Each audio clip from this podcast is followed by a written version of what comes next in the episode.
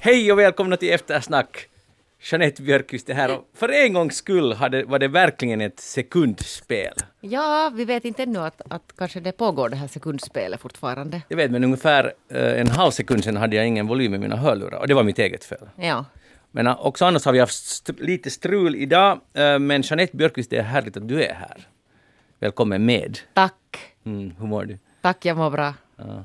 Jag är lite spänd nu att har vi någon annan med oss. Vi ska se. Jag är här, jag är här. ja, han Jag är där. jag hann inte presentera Johan Fagerud är med från Stockholm. Välkommen med. Ja, oj, och mitt hjärta pumpar här efter att ha talat med en svensk tekniker som eh, hastigt och lustigt hittade felet och fick med mig i lurarna. Så att jag är jätteglad att jag hann med. Tyvärr ser ja, eller jag ser er och det är ju jättefint, men jag har förstått att ni inte ser med, mig. Nej, vi ser inte, vi, alltså, vi brukar ha så här lyssnarna, liksom, till lyssnarnas kännedom Skype-kontakt när vi har någon på distans så att vi kan se varandra. Nu ser vi tyvärr inte Johan. Men jag kan garantera att jag sitter här i en studio på Sveriges Radio i Stockholm. Det är bra. Men vi kan göra fulla miner till, till Johan. Och vi, Han kan inte göra till oss. Visst, han kan ju verkligen göra till oss men vi vet inte om det. Ja, no, men det är nästan Han kan sitta och himla med ögonen utan att du vet om det. När du Det är det jag håller på med som bäst här nu. Upprörd över att Elli Flen talar om Nykarlebystjärnan har jag jagat upp mig hela veckan här. Är det så? För att försvara Jakobstadssymbolen och tro på kärlek. Eh, du får all, alldeles just komma tillbaka till det. Jag heter Magnus Lundén, programmet Eftersnack. Micke Andersén är tekniker idag. Stort tack för att vi fick allting in the package just före programmet började. Där, uh, vi har mycket att snacka om. och tydligen måste vi börja med Jeppis. Johan, lätta ditt hjärta. Låt allt komma ut nu bara. Ja, och du måste den- förklara för de lyssnare som, om det finns någon lyssnare som missar förra programmet. Ja, lydig som jag är när du säger att jag ska lyssna på förra programmet så gör jag det och då blev jag ju helt chockerad över den här diplomatiska krisen som Elli Flen orsakar genom att hålla ett brandtal för Nykarlebystjärnan och jag tänkte att nå, tack och lov får jag vara i eftersnack nästa vecka och försvara Jakobstads symboler som den självupptagna och skuldbeläggande Jakobstadsbo som jag är. Mm. Så här är jag. Och vad ville du säga? Ja, vad vill du säga, förutom att du är självupptagen eller vad det nu var? Nej, alltså jag, brukar, jag, jag tänkte faktiskt på det nu när jag cyklar hit längs Norr Mälarstrand, så bru, brukar jag alltid titta upp mot ett fönster. För varje jul så brukar det hänga tro och kärlek där och tänka, åh, där bor, bor en Jakobstadsbo. Men nu har tydligen de flyttat, för det, det hängde inga symboler där. Men hänger det inte i era fönster då? Men Nu vänta, Johan, jag måste avbryta. Om en lyssnare, till exempel jag, i det här, jag förstår inte ens vad, ni ta, vad är tro, hopp och kärlek. Kan du nu Vet berätta? du? Ja, men jag vet det. Ja, Jag jag vet att det har med. Jeppis att göra, men förklara nu. Ta grundkursen. Och vad, det, vad, har, Alltså, vad har det det- med Nykarleby att göra, och Jeppis? Nå, det kom ju sig av det att hon ju då genast skulle skicka dig Nykarlebystjärnan och jag fick ju prestationsångest. Tänkte att jag måste knepa och knåpa ihop en egen version av Tro på kärlek som du ska få av mig. Nu då. Men det som, eh, kommer du till Jakobstad i juletid så hänger stora eh, vad heter det, upplysta tro på kärlekssymboler på Storgatan och det har det gjort i 50, 60, 70 år. För, förr i tiden var det ju levande ljus i dem men de brann ju upp likt Gävlebocken väl eh, lätt. Men eh, nu är det ju elektrifierat och jag tror det faktiskt var i fjol så fick man ta ner den för att det stormar så fruktansvärt. Men det är alltså stort symbolvärde och det är julstämningen infinner sig när man hänger upp det här. Och Jakobstadsbor som har flyttat från stan så hör det ju till att man ska ha de här symbolerna i fönstret. då. Men varför är det en fight nu med Nykarleby? Nej, det var Jeppis humor. Och den är avancerad, den är så avancerad den där Jeppis-humorn. Jag hade ju tänkt att jag ska tala med en lugn och harmonisk röst så här dagarna inför jul för att sprida lugn och harmoni. Men med tanke på allt som har hänt den här veckan så vet jag inte hur jag ska lyckas med det, men jag ska försöka. Okej, men det finns alltså ingen fight utan det finns harmoni istället. Det Eller det för. fanns ingen fight. Det fanns ingen fight förrän det här programmet Ja. började. Hej, det där, eh, det har ju varit ganska deprimerande väder den här veckan, i, i, i alla fall i södra Finland. Det Och- finns inget dåligt väder, det Mm. finns bara dåliga kläder. Vet, Det är nog det värsta bajssnacket Nej, nej, nej inte det, det är inte helt bajssnack, men Ja, det, lite det, det lite, lite väl hurtigt visserligen. Men i alla fall, jag har varit på stugan i Pargas den här veckan och då, den drivs ju då med solenergi. Och eh, det gick helt okej, eh, uh, allt fix, fixade sig. Men då märker jag att att solen lyser inte så mycket den här veckan. Den här mörkaste veckan. Om det dessutom är molnigt, det har väl varit typ molnigt i två veckor och det, det, alltså inte en enda sekund sol är utlovad en vecka framåt. Så nu just den här veckan är solenergi inte det bästa, även om man klarar sig. Så det där, har ni sett solen i Stockholm, Johan? Nej, och det är någonting som diskuteras och som det skrivs om. Solen har inte visat sig hela december. Mm. Och igår var det faktiskt utlovat att, att nu kommer den att visa sig och folk gick ut och vandrade på, i skog och mark. Och sen såg jag bilder på Instagram där man hade sett skymten av solen bakom moln men besviket konstaterat att det utlovade solskenet hade uteblivit. Mm. Så det har varit eh, Folk har pratat om det mycket, ja. Mm. Det där i Japan, det har ju varit konstigt väder på många håll. Det som jag snappade upp i Boston har det varit en grym snöstorm. De har nog en tradition av det, men i, också i Japan har man, men nu har det varit en... Läste ni om det här? Det har, jag vet inte varför jag skrattar åt det, men det är så bisarrt att vägen mellan Tokyo och Niigata, det är, vad är det, 250 kilometer, så den blev helt totalt igenstoppad, 15 kilometer lång kö uh, i, för att en uh, långtradare fastnade i snön. Det var ett sånt enormt snöoväder. Och det där, där satt de i, i värsta fall i 40 timmar i sina bilar. Åh oh, herregud. Och jag bara tänker, den här frustrationen. Och sen har de fått något kex, någon har delat ut typ, inte vet jag hur de har fått ut den här maten med, och lite vatten. Men i princip så kan man ju, inte det är alltid man har någonting att äta med i sin bil. No, är det någonsin man har alltså någonting om man åker på någon sån här inte så jättelång resa? Nej. Och, och sen att bli fast där. Och jag, jag tänkte på att jag skulle ha övergett min bil helt enkelt. Jag skulle ha vandrat iväg. Men det låter självklart nästan, men när man tittar på hur mycket snö det var så är det inte så lätt fixat. Så vad skulle du ha gjort Jeanette? Du sitter där i din bil med din familj, låt oss säga 30 timmar, för jag tror inte att alla satt 40. Vad ja, gör du? Hör du det där, om man skulle sen hitta på någon sån här, vet ni, leka för att underhålla, så det tar ju inte jättemånga minuter så är de överstökade. Ja, man kan ha musiktävling kanske i en timme. Ja, alltså min spontana det där tanke är nog det att man skulle lämna den där bilen, men jag förstår ju att det kanske inte praktiskt har varit. Alltså vi var, var faktiskt med om det där för några år sedan här i Stockholm när det plötsligt kom en halv meter snö en förmiddag i november. Mm -hmm. Och hon fastnade, hon hade varit på ett uppdrag någonstans utanför Stockholm ganska långt och var på väg hem och de fastnade i en bilkö och satt säkert tre, fyra timmar där.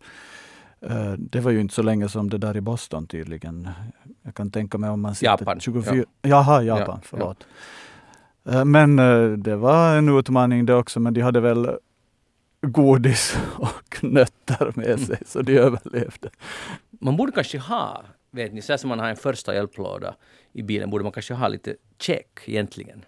Och lite extra bensin. Och nu kommer jag plötsligt på när jag tänker på att, att när jag sa att sk man skulle lämna bilen. Det är ganska fräckt mot de som blir kvar. För sen blockerar man ju allting. Sen är det dags att åka iväg. Så det var nog inte alls någon bra idé att lämna sin bil. Nej, men alltså att man skulle gå liksom en stund bort från den. Alltså, men att man bara sticker och så lämnar man den där för forever. Ja, jag hade tänkt att man skulle överge den. Helt, ja, helt och hållet. Mm ja, då är du ju ganska rik om du har råd att överge bilar. Inte min bil behöver man inte vara rik för att överge faktiskt.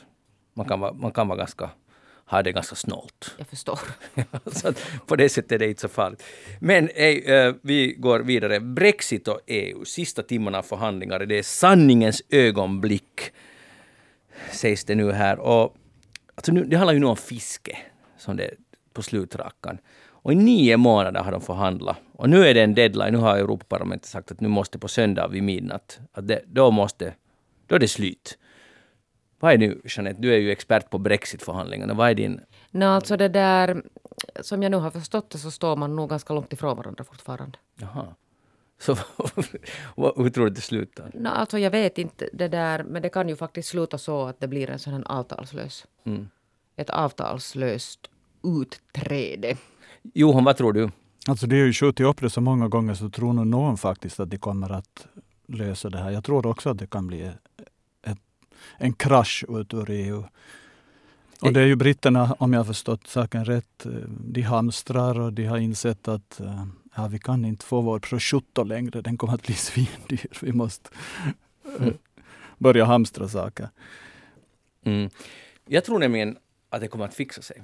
Ja, Du tror bra. det? Ja, därför att EU har, har en så lång tradition av att så här dramatiska sista minuten förhandlingar och de är ju experter på det här, så här byråkratiska kompromisser. Liksom att de sen alltid hittar någon. Och jag bara tänker, jag tycker bara lite synd om de här som har suttit i nio månader och det har säkert varit saker som varit helt omöjliga att lösa och nu kanske den där sista minuten på söndag natt, natten till måndag blir det väl, så plötsligt så kanske det löser sig. Men jag tror att de kommer hitta på en lösning som ingen där är speciellt nöjd med. Eller något i den här stilen.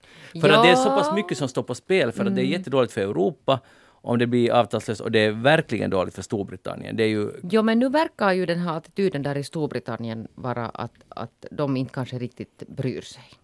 Men Alltså de det, borde det nog bry sig. Ja, det borde de säkert göra, men att det är mer den här alltså att man är ganska envis nu, att nu tänker man inte mera lägga sig flat för EU. Men jag kan förstå om, om de skulle vara kaxiga med Trump i Vita huset, men de, det skulle nog, ett gott råd skulle vara att vara också lite ödmjuka där. Men säkert borde också EU vara lite ödmjukt. Det är möjligt det Jag vet inte om den här Boris Johnson nu är den här liksom som strike me as en ödmjuk person. Sådär riktigt direkt. Nej, men det sägs ju att corona gjorde honom lite mer ödmjuk. Det kanske var förbigående ganska snabbt. Hej, kungen ryter till eftersom vi har en Johan stationerad. Bor du nära det kungliga slottet? Nå, i- jag bor kanske två kilometer ifrån. Eh, han bor ju inte på slottet, han bor ju ute i, vad heter det, Djurs, nej vad heter det, Drottningholm. Aha, okej. Men, eh, men jag har ju reagerat på det här att han, hans utlåt, uttalande har ju fått stor spridning i hela världen och, och lyfts fram här och där. Och jag såg igår att Tegnell har inte kommenterat den här kritiken som kungen framförde. Ja. Så att det här är ganska känsligt. Och vill ni alltså. berätta nu vad det handlar om? Alltså kungen har, eh, det har alltid ett sånt här årligt eh, julprogram med kungliga familjen och då har det väl kommit fram att han pratar ganska kritiskt om hur Sverige har hanterat hela den här krisen och att vi har, gjort, att vi har misslyckats, säger han.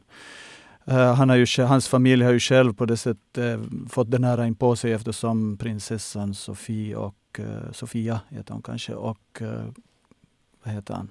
prinsen har, är smittade. Så att de kommer troligen att fira jul på distans. Dessutom har de ju sin svärson Daniel är ju i riskgrupp på grund av njur njurtransplantation. Eh, men eh, sen hör det ju till att kungen ska inte blanda sig i politik och coronan har ju blivit politik här i Sverige i allra högsta grad just nu. Mm. Så att det är känsligt vad han säger. Och det där är det som är det intressanta. Alltså han har då sagt, och jag tycker inte det var så speciellt hårda uttalanden, men säkert för att vara kungen, Sveriges kung, så har det varit tydligt så att säga. Och jag håller med Johan om att det har fått mycket uppmärksamhet. The King of Sweden har uttalat sig. Men igen, och vi har talat om det här tidigare, hur kan det vara så känsligt eller så viktigt vad kungen av Sverige säger om corona? På allvar alltså. Jag, jag, jag, jag, jag begriper inte. Jag tycker att ni, ni, Johan, i Sverige, ni måste göra någonting. Det kan inte vara så att det blir en grej. Alltså det, det är ju en, en åsikt och, och jag, jag, jag tycker ju att han har väl rätt. Och, och Mm. det det vara kritisk till, till myndigheterna och så vidare. Men, men att det blir en sån här sensation att världspressen skriver att King of Sweden tycker att vi har lite misslyckats. På Och det är väl det att svenska, den så kallade svenska strategin har fått så mycket uppmärksamhet annars runt om i Mm. världen. Mm. Så när, när rikets konung uttalar sig så lyssnar man förstås på honom. Eller, Men man, ska, man borde inte lyssna på honom. Han har ju ingen makt. Han är, han är bara en figur. nej. Ni måste, ni måste skärpa er. Jag tror det är många som delar din åsikt att han inte borde för det första ha uttalat sig och sen, eller det, det sa du ju inte, du tyckte Nej. att han har all, all rätt att uttala sig. Mm. Eh, men att, eh, ja, Eller ska vi säga så här att, att uh, antingen Ja, nej, vi, vi skippar det här. Jag, jag, jag går så igång på det. Så att vi, vi talar om en mer, som jag tycker är en mer intressant fråga. Estonia, som, uh, som, ni känner till, som alla känner till, uh, gick ju under på, i början av 90-talet. 852 personer drunkna, varav 500 var svenskar, sen var det ester och finländare också. Ett trauma som har präglat Sverige, Finland och Estland, speciellt Sverige och Estland sedan dess. Mm. Och tidigare i höst kom det ut en dokumentär eh, som hette ungefär eh, Upptäckten som förändrar allt. Estonia, fynden som ändrar allt. Där eh, där de har gjort, gjorde nya dykningar och kom fram till att det finns ett nytt hål som, har, som de anser har, har dolts eller ingen har känt till det i alla fall. Och det var, de fick stora journalistpriser för det här och nu har efter det har Filtertidningen, eller inte efter det utan samtidigt, tidningen Filter har skrivit en artikel på djupt vatten som är oändligt lång, men en fin granskning av hela det här programmet, där de Filter argumenterar för att, att det är en konspirationsteori och de ger ingen alternativ förklaring till hur olyckan kunde ske, utan de bygger det på antaganden och låter förstå att uh, Estonia skulle ha blivit sprängd eller ha gått kolliderat med en ubåt och så vidare. Och uh, sen har, efter det har idén har väl var det en handfull journalister som också har fått det stora journalistpriset har kritiserat den här utnämningen, att det här går inte för sig. Att uh, det är omotiverat att ge stora journalistpriset för spekulationer och, och hur välgjorda de än var. Och det där och nu just ungefär i dessa minuter så borde uh, det komma ut besked att ska det göras nya dykningar till Estonia för att kolla på det här hålet. Det som de inte egentligen berättade om i den här dokumentären, jag har inte sett den här dokumentären själv, men, men de hade inte berättat att det fanns också ett annat hål i Estonias skrov.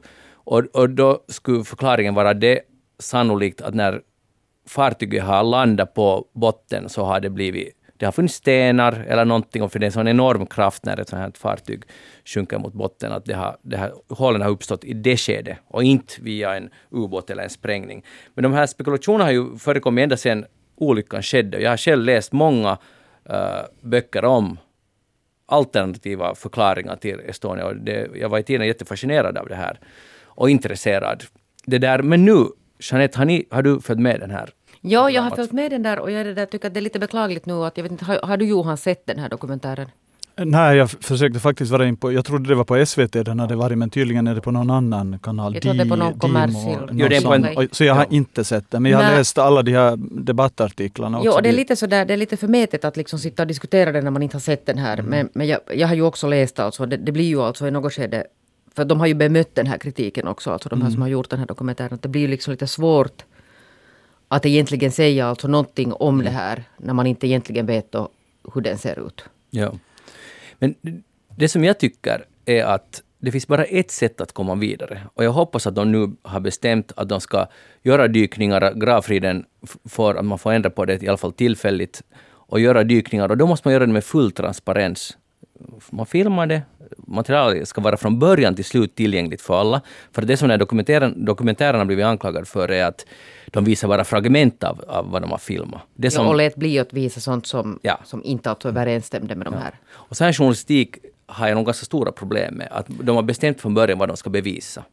Jag såg just, ursäkta. Ja, säg. Eh, jag såg just på en skärm här när jag kom in till studion så, så visade de att de ska ha presskonferens här i Stockholm också för att haverikommissionen kräver att man ska eh, inte hålla på den här gravfriden utan att man ska få undersöka på nytt. Ja. Ja, de håller alltså, de har börjat för sex minuter sedan den här presskonferensen. Så. Just det. Men jag, jag tror att det enda, håller, ty, eller tycker ni annorlunda? Mitt, min tes är att man ska göra det, man ska filma det. För, för att om det alltid är konspirationsteorier och inte sanna, vilket verkar vara sannolikt, så måste man bemöta det i det här skedet. För nu har det, det, är som, det går liksom spinn på det och nu måste det kollas än en gång. Ja, så är det ju eftersom ja. man nu liksom kom så här långt nu då. Ja. Att han, har, han har väl inte, vad jag vet, så har han väl inte själv de har inte dykt där utan de har skickat ner några så här robotkameror. Ja. Nu säger de här att regeringen ska se över gravfridslagen och vill möjliggöra nya dykningar vid Estonia. Ja. Och det här är helt rätt, för det är enda sättet tycker jag. Men vad tycker du Johan? Jag tycker att jag förstår mycket väl att de här tio journalisterna, tror jag det var, som väl de flesta av dem har fått det här stora journalistpriset, som, äh, att de, det är bra att de reagerar för eftersom vi har de här senaste åren omgetts av konspirationsteorier så måste man våga ifrågasätta.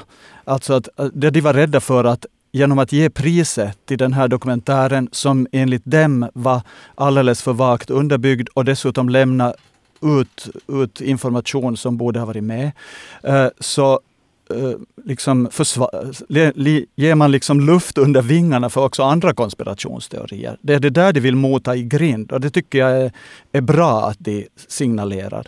Eh, sen tycker jag också att, att det är viktigt att man, eftersom det tydligen eh, har förekommit, eller upplevs som att den här första eh, undersökningen av hur gick det egentligen till var för slarvigt gjord, så är det väl bra att man då gör om det. Ja, men det är just det att, att äh, konspirationsteorier de kan ju uppstå ur tomma intet, som i fallet med eh, valet i USA, eller ur, ur, ur Trumps huvud, så att säga som är totalt på luftbaserat, enligt vad jag förstår i alla fall. Och sen kan det också basera sig på en små fragment, till exempel som du sa, att om den här, den, eller jag vet den var slarvigt gjord och det fanns brister i den här första undersökningen. Så då, om inte man gör det ordentligt så ger man, kan man ge spelrum till spekulationer. Absolut. Och, och, och, där, och myndigheterna har varit ganska uh, restriktiva med information och, och det finns mycket som är konstigt eller i alla fall som, jag, som man kan tolka som konstigt i den där första utredningen. Så, så att det är nog bra att det görs på nytt. Kan det vara att det här var en så i synnerhet för Sverige en så otroligt emotionell grej när det hände. Alltså mm. det var massa, det var, majoriteten av de som dog var svenskar. Mm. Att, att man måste hastigt lösa det här på något sätt. Jag menar nu, idag låter det för mig absurt att man ens tänkte tanken att man skulle som paketera in det i cement. Mm. Uh, så att jag tror att, att det som det ofta förekommer med konspirationsteorier också, att det handlar mer om emotioner än om vetenskap. Därför skulle jag vilja att man förlitar sig på, på vetenskap, går ner på nytt och undersöker och utesluter saker. Då om det. Och det är tydligen det de haverikommissionen är ute efter nu, att få gå vidare med saken. Ja, och så där förutsättningslöst också, att man inte försöker nu bevisa eller motbevisa ja. någonting hur det gjordes då, utan helt så här från rent bord. Mm. Ja. Och nu kanske det så mycket tid har gått att det finns förutsättningar för det. Sen håller jag Johan inte helt med om att, att en, det att, att uh, man eventuellt har misslyckats här i att vem får stor, Stora journalistpriset, att det skulle betyda att man ger luft åt andra konspirationsteorier. Det tycker jag inte riktigt. Det, här är frågan om en viss sorts journalistik som, eftersom inte någon av oss har sett programmet, men det verkar ju som det skulle vara svagt underbyggd och sensationalistisk. Mm. Så, men jag tycker inte att det betyder att man legitimiserar, legitimiserar andra konspirationsteorier. Mm. För jag tycker man måste hålla dem separat. Det här är ett sånt case där det alltså blev öppna frågor. Ja, ja. ja. och, och, och det, nu ska det utredas. Men han hade, det var ju alltså någon anhörig som hade skrivit alltså en lång och omständlig insändare i den här journalisten, tidningen i Sverige. Där den här, alltså de här dokumentmakarna också fick svara och det är nu helt meningslöst att gå in på alla detaljer. Men, men äh, nu, kunde den, alltså nu kunde ju de här doku, dokumentmakarna också bemöta alltså ganska mycket av den här kritiken som, som fördes fram. Mm. Mm. Får... Och det, det påpekade ju i svaren på, i debatten också att, att de här journalisterna som ifrågasatte dokumentären har inte satt sig in vad de visste i, i det här materialet på Nej. samma sätt som den här journalisten som har gjort dokumentären. Nej. Så fortsättning följer. Garanterat. Och, och, och, så hoppas vi att fortsättning följer leder till sista avsnittet. Och, och där alla, så gott som alla kan vara överens om att det här var orsaken till Ja, och också alltså för dem, för att det finns ju alltså ett, ett gäng anhöriga som har haft svårt att, att på något sätt sätta punkt på det här. Mm. Och, det är inte så konstigt, för att om det är fortfarande så här oklart, att, vänta, vad var det egentligen som hände? Och varför hände Var det, smugglades det militär uh, materiel där ombord? Och kan det ha haft någonting att göra med det? Alla de här spekulationerna. Och sen, det som är intressant som den här filten lyfter fram, hur människans minne är extremt opålitligt vet att man kan inte mera komma ihåg vad man på riktigt upplevde. Man kan komma ihåg fragment och så här, men mycket formas så småningom efter åren. Att, att, det, att det är väldigt opålitligt. Det, det är ju intressanta dimensioner på alla domstolsbehandlingar av allting. Att vi kan egentligen inte lita på vad vi tror att vi kommer ihåg. Nej, det kan vi inte. Alltså det, det minst pålitliga är ju ögonvittnesskildringar. Ja. Också alltså färska sådana. Ja. Så, så, det gör ju det hela väldigt komplicerat att försöka reda ut. Hej, vi, vi går vidare till en tragisk ett mord som skedde här i Helsingfors, i Forsby, för en tid sedan. Och därför vill jag diskutera det, för att polisen säger att, att det här måste samhället diskutera. Eh, två, eh, tre 16-åriga pojkar misshandlade en jämnårig till döds helt enkelt en fredag kväll för att ja, orsak finns inte, men, men, eller förstås finns det ingen orsak till det. Men nu ryktas det om mobbning, ex- extrem mobbning och det där... Alltså den där ryktas inte, det är inte polisen som har gått ut med information Ja, om att det här kan ha varit motivet. Korrekt, ursäkta. Och, det där, och så har också polisen låt informera om att offret var omhändertaget av barnskyddet. Och så det kommer, man kan då anta att det är relativt trassiga familjeförhållanden oberoende, men det har ju ingenting egentligen med det här mordet att göra. Men vad ska man tycka om det? För det är så tragiskt och sen blir det så ofattbart också att läsa de här nyheterna. Ja, alltså det handlar ju då om det vad man förstod av Helsingin Sanomat skrev, Ja. skrev om det här. Att den här, den här killen som blev ihjälslagen under en lång, lång period hade varit alltså utsatt för mycket grov mobbning av det här gänget. Och har det ändå någonting med att han var utsatt från tidigare? Jag menar, det är ju möjligt att jag menar, förövare ser en, en sårbar människa som de väljer ut och plågar. Mm. Alltså, tyvärr finns det parallellfall till det här, här i Stockholm. För inte länge sedan var det eh, två, jag tror de var i samma ålder, som eh, misshandlade och våldtog en eh, pojke på Solna gravgård. Och det här har diskuterats mycket här och bland annat en riksdagsledamot valde att göra en insamling för den här pojken för han insåg att de här två förövarna skulle aldrig kunna ersätta. Det kan man sen ifrågasätta att det är just det här de ska samla in pengar för. Men, men det har i alla fall väckt emotionerna och det förstår man ju. Alltså det var en lika grym som det här verkar vara i Helsingfors. Uh, en direkt, uh, en långt, länge pågående misshandel som också ledde till våldtäkt. Mm. Där alltså måste man ju nog ställa sig frågan, alltså det gäller ju både Sverige och Finland, att, att hur är det möjligt att där inte har funnits någon som har lyckats ingripa alltså i det här? Att hur har sånt här alltså kunnat pågå så länge och eskalera alltså till sådana här dimensioner? Det är ju liksom på något sätt där som vi har misslyckats. Tänk att vi lever i sådana samhällen, både tydligen då i Finland och Sverige, som är i, i grunden ändå ganska trygga samhällen och vi, vi tycker och vet att det mesta funkar. Men det finns så mycket som rinner igenom som vi inte ser. Och, eh, och då vill man just som du sa, Jeanette, att hur är det möjligt? Den där frågan, hur är det möjligt att det här sker? Eh, vem är skyldig? Hur, varför har inte en lärare reagerat? Eller, och det är ju egentligen sådana här ytliga frågor. Men man vill bara ha no, någon form av svar så man ska förstå det här. Eh, men ändå är det obegripligt. Tänk att, att, det, att man är 16 år gammal och inte... Man är liksom, att man inte fattar vad det är som händer. Och att, sen tänker jag på de här tre 16-åringarnas föräldrar. Vad är deras roll i det här?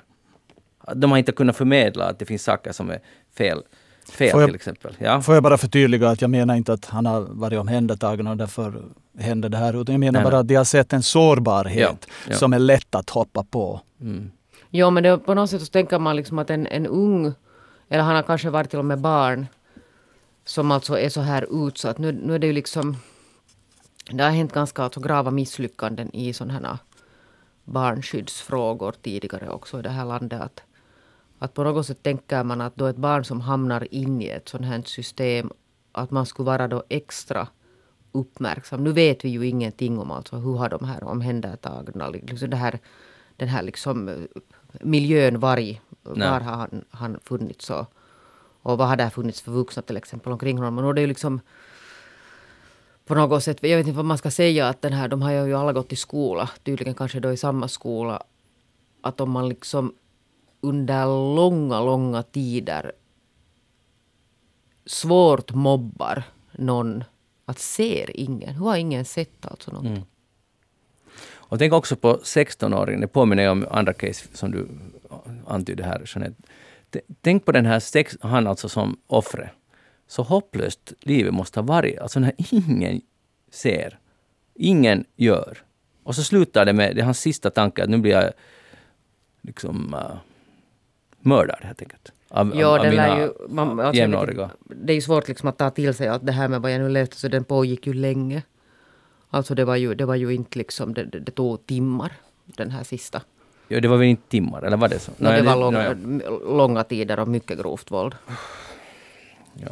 Men där är ju nog någonting också att det där, där har ju de här som, som det där som har liksom misstänks nu för det här. Så någonstans har, har ju liksom någon verklighetsuppfattning försvunnit.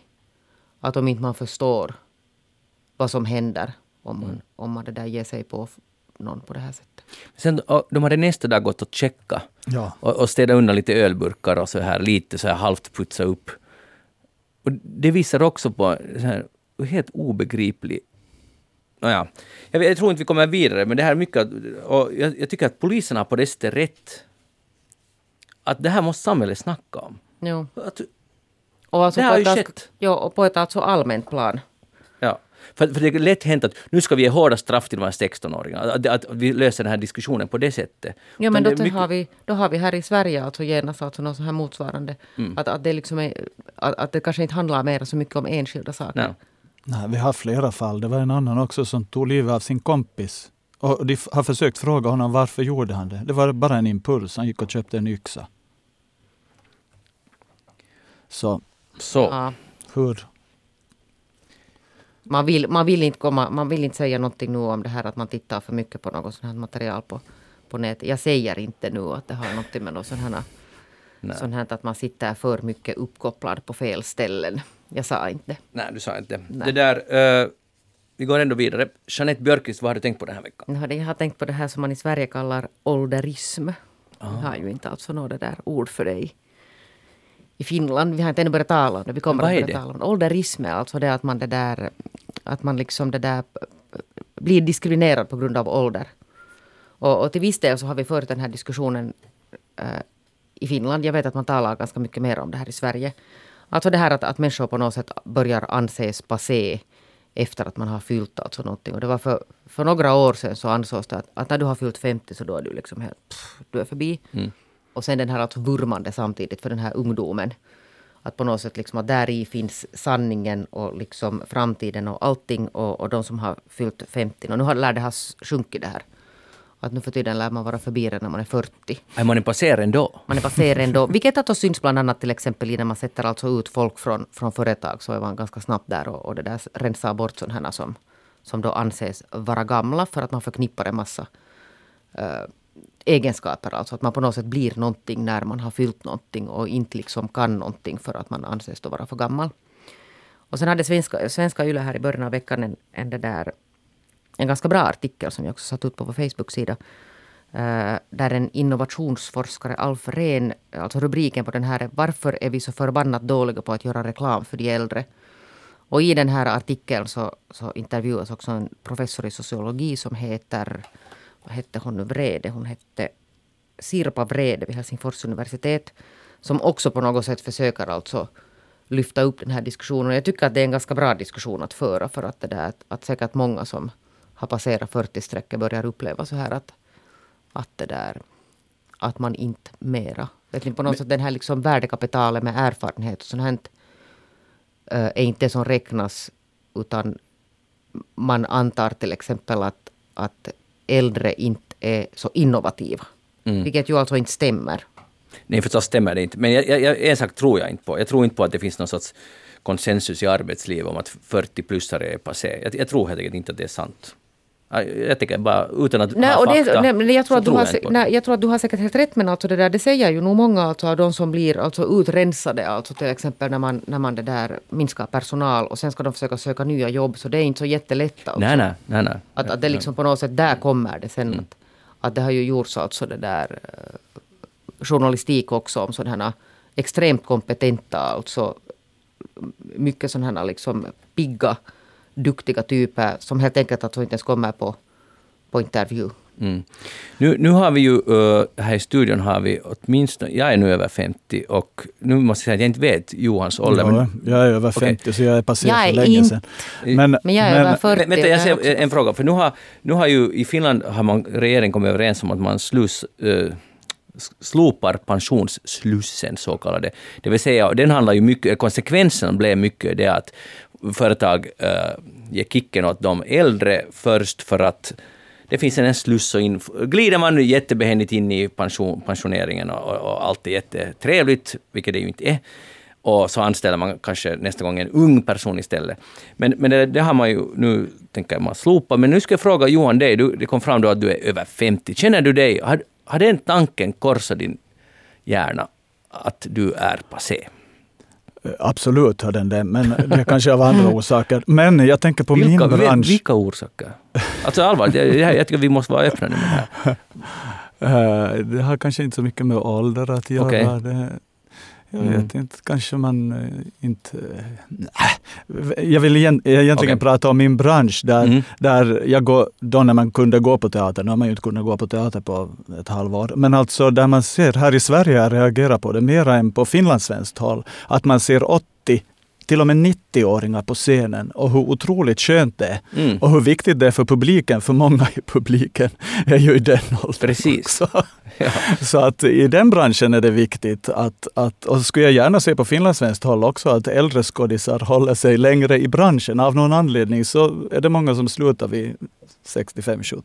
Men det som ju har talats mycket om i Finland, alltså just gällande din bransch, har, har varit det här alltså att kvinnor kvinnliga skådespelare som har fyllt och sig liksom 45, att det finns inga roller för dem. Mm. Och det har man ju liksom försökt åtgärda så att kvinnorna själva har börjat skriva. Ja, och det är jättebra. Men jag tycker det också syns i tv-serier som har kommit och i filmer som kommer så är det ganska mycket äldre kvinnor, om det då är 40 plus, som syns ändå.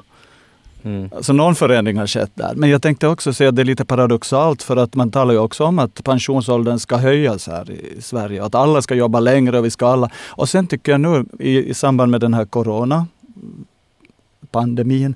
Så senast igår hörde jag en intervju med pensionerade sjuksköterskor som har ryckt in eftersom alla andra har blivit trötta, sjukskrivna. Nu rycker de in för att de dels tycker om att jobba och dels vill vara med och bidra genom att nu börja vaccinera folk.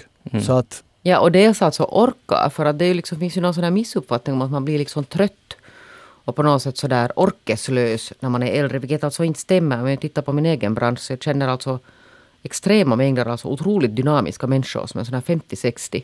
Mm. Som alltså på, på många sätt är, är liksom mycket mer progressiva än många unga. Att, att det finns liksom inga automatiska egenskaper som kop, kan kopplas till folk bara på grund av ålder. Mm. Alltså när, när du talar här om 40 plus passé och, eller 50 plus. Jag har alltså skrivit, det är inte jag som har hittat nej, på nej, det. Utan nej, det ja. Jag vill bara säga att, att jag, jag, egentligen så lyssnar jag inte ens på det där, för det är ju strunt. Alltså, jag är också över 50 och jag har aldrig Förlåt nu är jag lite kaxig här, men jag har aldrig tänkt att jag är passé. Och jag, nej, tänker, det, jag tänker inte tänka det heller. Nej, och det ska du inte göra heller, men det kan hända alltså att, att det är för att du är alltså företagare. Mm. Vet att, att du är liksom inte, vet du, du är inte inne i det här att du skulle behöva konkurrera för att du sysselsätter dig själv. Ja, det, det kan vara. Ja. Men i alla fall så, så, så då, det intressanta blir det som, heter det ålderism? Det, ja. det intressanta blir att vem upprätthåller denna ålderism? För att vi, vi är ju alla så att säga i samma båt. Alla blir vi, det finns ingen människa som blir yngre med åren. Så vi alla, det är ganska så här kortsiktigt att tänka sig att det är nu så här vi ska lösa de här den här saken. Alla blir äldre och det skulle vara bra att om alla skulle respekteras för vad de är. Och, och ja, och sen alltså den här alltså verkligen alltså insikten om det här att, att jag tror att jag, jag kan inte riktigt hitta på något, vilket arbetskollektiv skulle må bra av att ha liksom en jättesån här alltså heterogen alltså åldersstruktur. Att de flesta mår, alltså det är jättebra att det finns alltså från ung till äldre. Mm. Ja, men det tycker jag också i arbetsgrupper som jag har jobbat i så är det ju verkligt berikande att det är en uh, heterogen grupp åldersmässigt. Med folk som har lång erfarenhet av branschen och folk som är helt nya i branschen. Det blir en bättre föreställning av det. Ja. Så nej till ålderism. Ja, det måste jag bara säga ännu för att det där var man liksom, vad jag har lite sådär följt med, alltså det här gäller nog kanske min bransch. Så många gånger när du frågar Magnus att vem är det som upprätthåller det, så det är ju alltså då inte sällan äh, sådana människor som, som själva har varit jättelänge på samma arbetsplats är alltså själva en del av den här som de i princip alltså anser är passé, det vill säga att de är själva någon så här 50 kanske någonting, mm. närmare 60 och så sitter de och så deklarerar då att att, det, att nu är det liksom diginativa och nu är det liksom de här unga. Ja, ja. När de själva aldrig alltså det där har... Har någon aning? Nej. Mm. Och det är ju bristande självförtroende på något sätt. Liksom, eller det är, det är en sorts... sorts eller självinsikter. Själv, också, ja, kanske självinsikter i det här fallet. Sådana, sådana personer finns det i ledande ställningar. Hej, det där uh, högskoleprovet Johan och Jeanette, det är ju det här stora testet i Sverige där det ingår också en, en, en sån här språk, ett, ett språktest som, som är ökänt eller känt, uh, eh, jag tänkte säga världen över, men det är det ju inte, men över hela Sverige och lite också i Finland, för en del finlandssvenskar deltar också ofta i det här provet. Det där, och nu har de, uh, Svenska Dagbladet hade så här listat, kan du, klarar du högskoleprovet? Det är bland annat så här testat att svåra ord som man ska förklara, det finns det ett ord och sen ska man välja mellan eh, fem möjliga, fem alternativ. Och jag gjorde det här testet, jag fick nio av tio, men jag missade på en. Och det där, det här skäms jag över. Och Jeanette, för, förlåt Johan, men jag tänker testa Jeanette nu här för att Jeanette vill ge vill låtsas att hon är en stor språkmänniska. Så vad betyder... Det har jag då aldrig låtsats. okay, okay, Klistrar okay. du på mig någon sån här? Jag förhåller mig mycket anspråkslöst. Ja, mina... Vet du vad, det, det handlar om sån här reflekt... Ja, uh, du försöker projicera. Projicera mina komplex ja, på dig. Just projicera nu ditt komplex hit ja. Kriterium, vad betyder det? Och här finns alternativ. Bäst i sin börja förklara vad det betyder. Kriterium, är det kännetecken, uppfattning, följdverkan, möjlighet eller anledning. Och Johan, du kommer också att få svara jag på det. Jag måste få titta på det här. Jag är jättedålig på att göra sådana här... Nej, för jag har satt en pil här vad som ah, är ja. rätt. Nå, säg på nytt. Kriterium. Nej, inte har jag sagt en pil. Jag har satt pilen vid ordet kriterium, ja. Det här är allt. Så jag är svår på att sådär kriterium. Kännetecken, uppfattning, följdverkan, möjlighet, anledning. Alltså jag behöver, jag kan inte liksom, jag måste tänka. Ja, kan du prata med Johan lite? Ja, men läs upp dem ännu en gång då så får jag Kännetecken, uppfattning, följdverkan, möjlighet, anledning. Ja. Vad betyder kriterium? Och jag, jag skulle säga kan jag få det här pappret? Nej, för jag sitter och tittar Du, du måste tänka att du är i en stressig uh, testsituation. Inte får du tänka hur länge som helst. Alltså det lömska med det där är att, att ofta är det ju så nära varandra så att ja. man ja. börjar tveka. Ja, alltså jag, jag, har tro, jag har alltid trott att... Eller, ni måste svara först. Kriterium, kännetecken, uppfattning, följdverkan, möjlighet, anledning. Nu vill lyssnarna ha ett svar. Vad var det tredje? Uppfölj? Uh, uh, kännetecken, uppfattning. Följdverkan, möjlighet, anledning. Följdverkan skulle jag säga. Men det okay, följdverkan, ett svar på följdverkan. Jag har inte alltså nu tänkt Nej, det är, i förklara så mycket. Och Johan, skådespelare bosatt i Stockholm. Ta det med ännu ett varv så tar Kännetecken, uppfattning, följdverkan, möjlighet och anledning. Och det var sista gången jag sa de här orden. Det här är bra radio. Ja, det här är det, är det här vi får betalt för. Ja. ja. Uh, Okej, okay, du, du vet helt enkelt Möjlighet säger jag där. Okay, no, ni hade båda fel. Ja. För rätt svar är tydligen kännetecken. Och jag har alltid trott att kriterium betyder ett krav, att det är ett krav på att kriterium att för att komma in på universitetet är att du har klarat språk, språkprovet. Så, men det är ett kännetecken. Så uh, jag vill då säga att det här, jag dissar det här provet. För det här, så här, är det här, bevisar det här att man kan svenska eller bevisar det bara att man, jag vet inte vad det bevisar, att är det, förstår ni, vad är språkkunskap? Är det att man kan verkligen alla de här ganska, här ganska många svåra ord, att kan man exakt det? Eller är språkkunskap att man kan formulera sig och man kan förstå skrift? Stava rätt Stava rätt och sådana saker. Jag tycker att det här är... Eller läsa i Sverige är också sån här det är hård valuta. Ja. Men vi är alltså misslyckade som språkmänniskor. Johan Fager, vad har du tänkt på den här veckan? Vaccin. Okay. Mm. Och det är inte bara på grund av pandemin utan det är på grund av en dokumentärserie som har gått här på SVT och som har fått stor uppmärksamhet, senast i Dagens Ledare och dessutom också i Svenskfinland, i synnerhet i Österbotten eftersom en av de här vaccinmotståndarna har um, förekommit flit, eller har en stor del i den här dokumentären. Eh, de har alltså följt vaccinmotståndare under ett och ett halvt år ingående. De har också bena benat ut att vad är det som driver dem. Och jag ska försöka hålla mig lugn och saklig istället för att kalla dem virrhjärnor eller något sånt. För att jag har märkt att en del av näringen är att de betraktar sig som offer, som martyrer, som, eh, som i synnerhet hon då som i Österbotten har varit en av de aktivaste vaccinmotståndarna och som också har rest land och rike runt för att eh, Eh, tala om det här. Hon har en hemsida och när man går in på den så ser man nu hur hon bemöter den här kritiken som framkommer i dokumentären. Hon kallar det häxjakt. Hon kallar det att, att de här falska medierna typ jagar henne. Så att eh, vi ska inte göra henne till ett offer. Men så långt som det har gått nu är det viktigt att man funderar på vad är det de sprider egentligen. Eh, hon avslöjades också i, i den här dokumentären, inte bara som vaccinmotståndare utan att det bottnar i något mycket större. som handlar om konspirationer och som handlar om antisemitism och som till och med handlar om att hon sitter och säger att hon kallar förintelsen för förintelsesagor. Och det har, det har det gått så långt så att eh, då måste vi aktivt inte bara hånle eller skratta eller vifta bort de här, utan kraftigt göra motstånd, tycker jag. Uh, Okej, okay. uh, jag har inte sett jag har inte sett den dokumentären, jag försökte se på den men den finns ju på SVT så det, jag hade inte tillgång till den. Så man måste kringgå den här VPN? Ja, jag måste fixa det. Det där, uh, om hon talar om förintelsesagor, var det, det var det ett direkt citat? Det var så här att jag har följt henne under ett och ett halvt år och Eh, de har ju först eh, under senare delen av dokumentären erkänt att de är från SVT och att de gör ett, ja. en undersökande De har wallraff kallas De har wallraffa. Ja. Och hon tycker ju att de har spelat falskt. Men de har fått henne att säga sånt som hon säger att det tar hon aldrig upp på föreläsningar för då skulle inte folk lyssna på henne.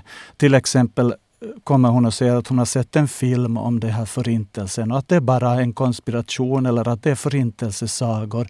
Och att det är för att, eh, alltså det är så huvudlöst i mitt tycke mm. att, eh, att eh, ja, jag tror inte att man kommer att få henne på andra tankar. Men att det är viktigt att de som lyssnar på henne kritiskt granskar också henne eftersom mycket av hennes föreläsningar går ut på att vi är duperade, vi är lurade till att vaccinera våra barn till mm. exempel. Mm. Så är det viktigt, det enda sättet som jag ser är att bemöta det med fakta. När hon står och föreläser om att, att det här är forskning. Att då som de gör i dokumentären ifrågasätta den forskningen eftersom den inte vetenskapligt bevisad utan är gjord av andra vaccinkritiker. Förstår ni? Det är en härva som, som, eh, som är besläktad nu är jag kanske hård, men jag tycker den är besläktad med en form av sekterism eftersom när man går in på hennes hemsida och om man ifrågasätter någonting så raderas det omedelbart. Mm. På samma sätt som det också visades i dokumentären att så fort man försökte ifrågasätta det här så gick eh, ledarna ut ur rummet. De, eh, ja, eh, så att, att där, där är det på samma sätt som jag nämnde med andra eventuella konspirationsteorier så handlar det inte om vetenskap utan det handlar om emotioner. Ja, och nu är hon ju det där inte ensam. Det var inte jättelänge sedan MOT här på Yle gjorde en sån här, jag minns inte vad det hette det här avsnittet. Det var någonting typ Meita ei rokoteta. Och de hade varit på någon sån här samling alltså utanför det här stora Ode-biblioteket i centrum av Helsingfors. Och det var hundratals människor. Och så stod de alltså då till exempel och, och förde fram sån här information om att man ska inte ta det här vaccinet för att där finns bland annat någon sån här mikrochip alltså i det där. Alltså staten försöker övervaka. Ja. Och det var helt alltså det där, inte var det liksom någon sån här... Det, det är helt liksom till synes alltså vanliga människor som bara har alltså på något sätt börjat tro och gått in liksom i sånt här. Och det lär ju vara så att det ganska ofta är besläktat just med ganska mycket andra sådana här konspirationsteorier. Och det här är ju en sån här kanske globalt fenomen varav det här alltså är ett.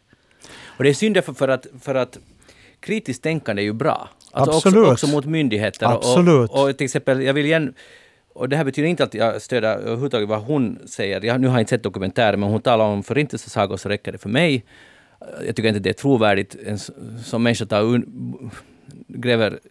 Alltså, den personen är inte så hemskt trovärdig tycker jag. Men det finns ju också, trots allt, svininfluensans äh, vaccin som gjordes också ganska snabbt, så ledde till att många, över hundra barn i Finlands liv förändrades för, för alltid. Absolut. Har narkolepsi. Och, och då ska man bli förvånad över att människor i alla fall får ställa den frågan. Och jag tror att det är alldeles fel, det, som, det, det var du inne på, att, att inte bemöta det med ett hånleende. Det har varit till exempel mycket i debatten att man liksom totalt föraktar alla som bara frågar om det här vaccinet. Att liksom det, det, det finns bara en sanning och det är helt okej okay att man frågar. Aha, okej, okay, och just så. Och är kritisk. Men, men sen om det går över till så här, och det som är viktigt här som du sa, tog upp Johan, att, att det här gänget själv inte tål kritik och att det blir som en sekt. Så det tycker jag är extremt oroväckande. Och det, och det betyder just att inte har de ju något rent mjöl i påsen. Att om, om, man, om man inte kan diskutera och om man, om man det där uh, raderar kritik, så då är man ju ännu värre än de myndigheterna som man anklagar. Mm. Håller helt med. Kritiskt tänkande, gå till källorna, kolla forskning, forskningsresultat. Mm. Där kommer vi in på att forskning måste få pengar. Det måste vara seriös forskning. Mm. Eh, men, men ett problem att eh, det var i huset en ledare, Torsten Fagerholm, hade skrivit en jätteaggressiv ledare mot alla som inte som ifrågasätter vaccin. Och jag förstår hans poäng att det är viktigt att det nu vi fixar den här pandemin. Men jag tror inte man får en enda vaccinkritiker eller någon som är orolig övertygad genom att håna dem. Nej, genom, genom absolut att, inte. Att, att de, de är ju också människor, de vill också så att säga sina, sig själva och sina barn bästa och till och med kanske samhället. Att de är övertygade om att det finns en annan väg att gå, att vi blir lurade. Men då, då får, når man inte ut till dem genom att förakta dem och förnedra dem. Alltså det, det funkar inte. Det var det jag började Ja, med, för ja. att de vill bli betraktade som martyrer, Mm. offer. Som, och jag håller helt med, naturligtvis kritiskt tänkande. På samma sätt som när vi öppnar en, en medicinförpackning finns det en, en information om alla eventuella biverkningar som Mm. kan komma av det. Det är en risk att leva. Det är en risk att inte vaccinera sig mot mässling. Det är en risk att... Alltså, och där måste man ju avväga. Jag tror att det är en större risk att inte vaccinera sig. Men här alltså, bakom det här alltså ligger det, det finns ju, det har yttrat sig på alla möjliga sätt, alltså just den här den här alltså det där k- kring coronan, där alltså en av teserna är det att det här är liksom någonting som staterna har hittat på själva, att det är någon som alltså själv har, att, att, eller sen att den inte Det- existerar, att den, inte, den här coronan finns inte. Ja. Det kommer också fram i dokumentären. Jo, Hon så ser- att, ja. att, det, liksom, att det, det går way beyond det att man är alltså förhåller sig Exakt. kritisk och kanske är lite ängslig på grund Mm. av svininfluensa. Att, Ja. att vi talar om helt två separata saker. Jo, och det är ju, det, det är ju nästan ofattbart. Jag menar i USA är det många som säger att coronan inte finns. ja. Och, och då blir man, man blir ju ganska paff. Jo, men, men också de här, här sam- människorna borde man på något sätt diskutera med. Men samma irrläror som spreds, alltså det var ju här tidigare i, i höstas så, så skrevs de här alltså inom yogakretsar att det hade börjat spridas alltså en sån här från i USA baserad alltså. Ja. Qanon, ja. Och, ja. Nå, nu hamnar vi in i det. Och jag, jag skulle vilja att vi slutar det här året på lite mera positiva notes eftersom det här är vårt sista program Ja. för eh, 2020. Och jag har en viktig positiv nyhet. Tycker du om känguru, känguru, känguruer? Känguruer? Kängurur. Känguru. Kängurun. Jag tycker du om dem? Jo, jag tycker, tycker inte alla. Eh, Johan? Ja, jag, tycker om den. Den där ja. påsen där lilla babyn sitter. Ja, det är lite Jag har aldrig träffat någon. Men nu är det ba- banbrytande forskning, nu när du talar om forskning Johan, så nu är det här goda nyheter. Nu har det visat sig att man, de, de försöker kommunicera med människan. De är helt vilda djur, men om man till exempel packar in mat i en genomskinlig box och det finns mat där inne som kängurun vill ha och så står man bredvid som människa. Så kommer en känguru gående från, Gående. gå, eller hoppande, ursäkta. Och då kommer kängurun att, den kan ju inte öppna den där burken, men den ser att där är mat. Och då försöker den med blicken snacka med människor. Genom att stirra Jeanette till exempel på dig och sen stirra på boxen och liksom antyda, hej, att skulle du lite kunna hjälpa till här? Och jag vet att hundar och all, Ja, katter. jag vet, Katter men det också. nya, det banbrytande att det är vilda djur också försöker snacka med oss. Man ska inte underskatta hör du, djurens intelligens. Nej, och speciellt inte känguruernas. Nej. Eller katternas. Så, så det, var, det var det. Och sen vill jag fråga Jeanette helt kort av dig, och av, eh, eller Johan, minns ni någonting av 2020? Var det något speciellt med det här året? Corona. Va? Ah, jo, Ja. den! Så det var lite speciellt Det var ju lite det, ja. Johan, ha, vad ger du för vitsord åt 2020? Sådär ungefär. På en skala från 1 till 10. Ja. Sure. Jag, jag tycker det var ganska reve år faktiskt, om, om man nu är helt ärlig. Alltså, för mig personligen har det varit helt okej, men jag menar, nu, nu har det ju varit Ja. lite, lite jobbigt. Ja. Men det blir bättre. ja. Det blir bättre. Ja. Det, det är enda vägen är uppåt. Det enda vägen är uppåt. 2019 sa att vi, ja, 2020, det blir bättre. Det där, eh, så, Jag kanske ändå inte passé alltså. Det finns hopp även för mig. Tror du det? Ja. det, verkligen. Just för Du har dig. framtiden framför dig. Ja. Och det kom inte fram hur gammal du var, men, men Ung. 56. Ja, och det just då finns det mycket hopp. Det där, eh, fantastiskt, Jeanette Björkqvist, det var, det var ljuvligt att ha dig här, hela det här. God jul väntan till alla. God jul och God jul! Och till Johan. Fagerud, skådespelare, tack för att du var med från Stockholm. Tack. Jag heter Magnus Lundén och Eftersnack börjar lida mot sitt slut och nu har jag 25 sekunder på mig att introducera vår traditionella julsång äh, som är Hosianna på samiska av Annel Nuorat heter de visst. Och det här är en inspelning från 80-talet. Ett embryo till Angelin Tytöt som sen börjar. Men god jul, njut av julefrid. Det blir bättre, allt blir bra. Ha det så skönt. Hej då.